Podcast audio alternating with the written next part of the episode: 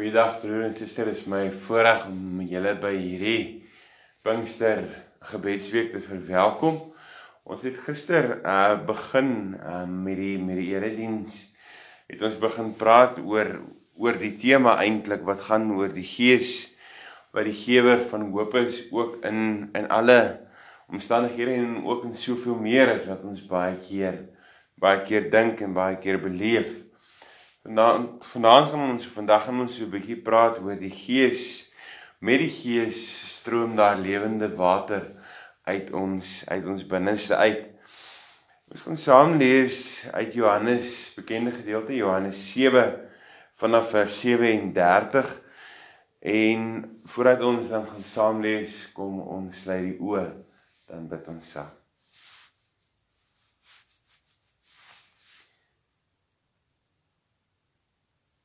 Here die belofte in die woord kom sê vir ons dat ons sal krag ontvang wanneer die Gees oor ons kom en ons sal die getuies wees in ons onmiddellike omgewing bietjie verder en tot in die uithoeke van die wêreld. En daarom kom gee ook Here, kom groet U ons ook Here met die seën vandag. En dankie dat ons dit kan weer kan hoor dat U ons U vrede gee u barmhartigheid en u genade. Here ons kom vra Here waar ons uit u woord uit gaan lees, kom breek dit vir ons oop, kom spreek Here. Ons kom vra dit in u naam. Amen. Johannes 7 vanaf vers 37 lees die gedeelte soos volg. Op die laaste dag in die groot dag van die Hittefees het Jesus daar gestaan en uitroep As iemand dors het, laat hy na my toe kom en drink. Met die een wat in my glo, is dit soos die skrif sê, strome lewende water sal uit sy binneste vloei. Hiermee het hy na die Gees verwys, want die mense wat tot geloof in hom kom, sou die Gees ontvang. Die Gees was nog nie uitgestort nie, omdat Jesus toe nog nie verheerlik was nie.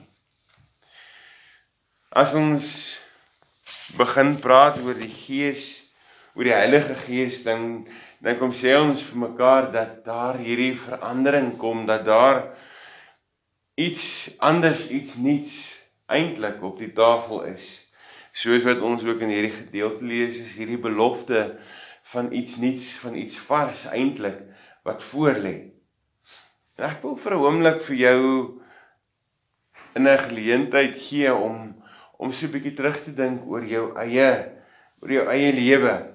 In ons eie lewe is daar hierdie spesiale oomblikke wat ons wat ons kan terugdink aan, wat ons kan vashou aan en wat ons sommer sonder enige moeite kan aan terugdink. En dalk is hy nog selfs ook in 'n foto vasgevang. En elkeen van ons het hierdie spesiale verhouding waarskynlik dalk met 'n foto wat jy aan sommer net kan terugdink aan daai spesiale moment. Dalk is dit selfs ook 'n passie wat jy wat jy uitgeleef. En gewoonlik met hierdie met hierdie oomblikke van passie is daar 'n oomblik wat ons voel maar dis vir ons spesiaal. Dit lê ons na in die hart. Omdat dit iets is waarvoor ons 'n passie het, jy sê dit nou familie of kinders of 'n stokperdjie of wat ook al is.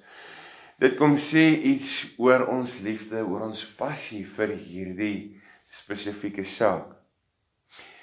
En as ons in aan ons verhouding met Christus begin dink, kom gebeur baie dieselfde goed. Wanneer Christus, wanneer ons besig raak met met ons verhouding met die Here, en bewus raak van van God se grootheid, van God se goedheid, raak ons op 'n manier passievol oor hom. Kom staan ons in 'n verhouding met die Here en word ons in hierdie verhouding gevul met die grootheid en met die genade van Christus, met die genade van sy Gees. En Petrus kom skryf in in Handelinge dat waar die stadsowerhede vir hulle beveel nadat hulle 'n man genees het om stil te bly, kom sê Petrus eintlik maar hy kan nie anders as om te praat nie. Dit gaan daaroor nie hoe daaroor dat hy besluit of hy dit kan doen of nie kan doen nie, maar ook bloot oor die besef dat hy nie kan stil bly nie. En so kom lees ons in vers 38 hierdie woorde van Jesus waar hy kom sê van strome lewende water sal uit ons binneste sal uit sy binneste vloei. Dit is die Gees wat ons oproep om opnuut God se beloftes te hoor en opnuut op hom te vertrou, opnuut op hom te hoop. En as ons dink aan aan die kerk, as ons dink aan ons as gelowiges, kom bevry die Gees die kerk my en jou van haar onbetrokkenheid tot die wêreld. En wil die kerk die Gees die kerk lei tot hulle tot die Godgegewe verantwoordelikheid teenoor die wêreld. Die kerk, die geloofgemeenskap, ons as individue word opgeroep deur die Gees wat in ons is tot die roeping van hierdie wêreld tot die wete dat die drie enige God betrokke is deur die kerk tot hierdie wêreld. Die Heilige Gees wil daarom die kerk vernuwe en kom versterk, kom hoop gee.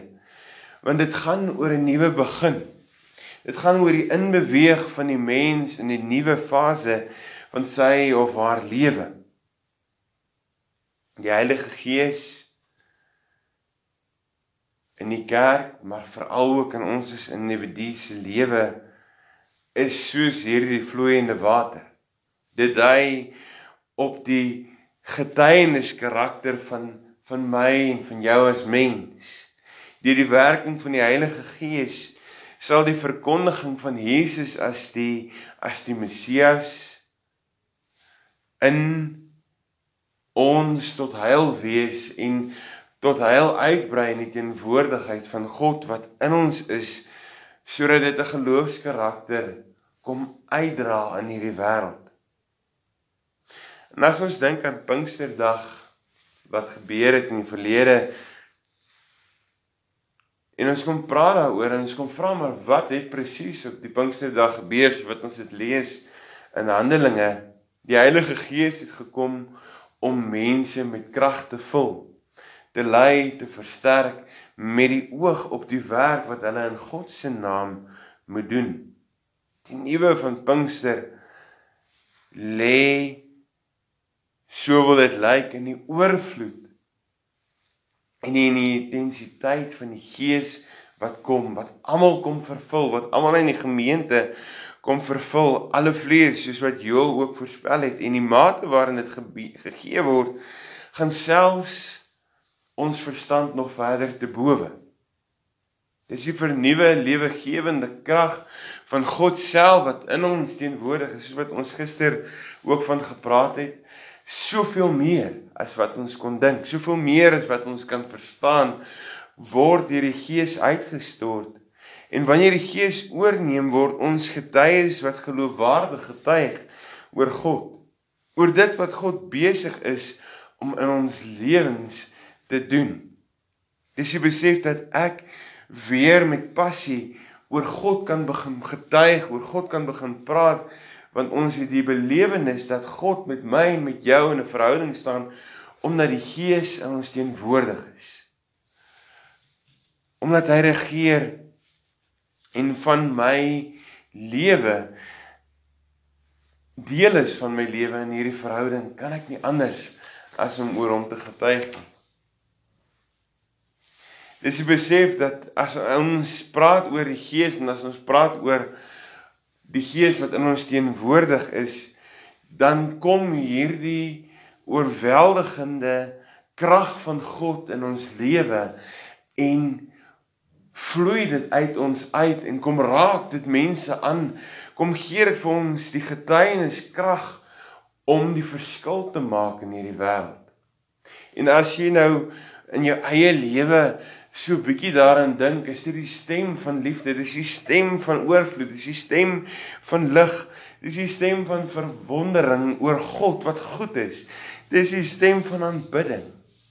Maar ook aan die ander kant is dit die stem wat ons beweeg van selfgeregtigheid na liefde, van swakheid van krag na oorvloed, van ingewikkeldheid na eintlik eenvoud en lig. Van 'n vrees, van vertroue, van 'n vrees van vertroue op God na verwondering van God wat goed is. My en jou eie ervaring van die Heilige Gees begin by die verhouding met die drie enige God. Jy kan dit nie by iemand anders te leen nie. Jy kan dit nie deur iemand anders te ervaar nie. Jy kan dit net kry broer en suster as ek en jy in 'n verhouding met hierdie lewende God staan.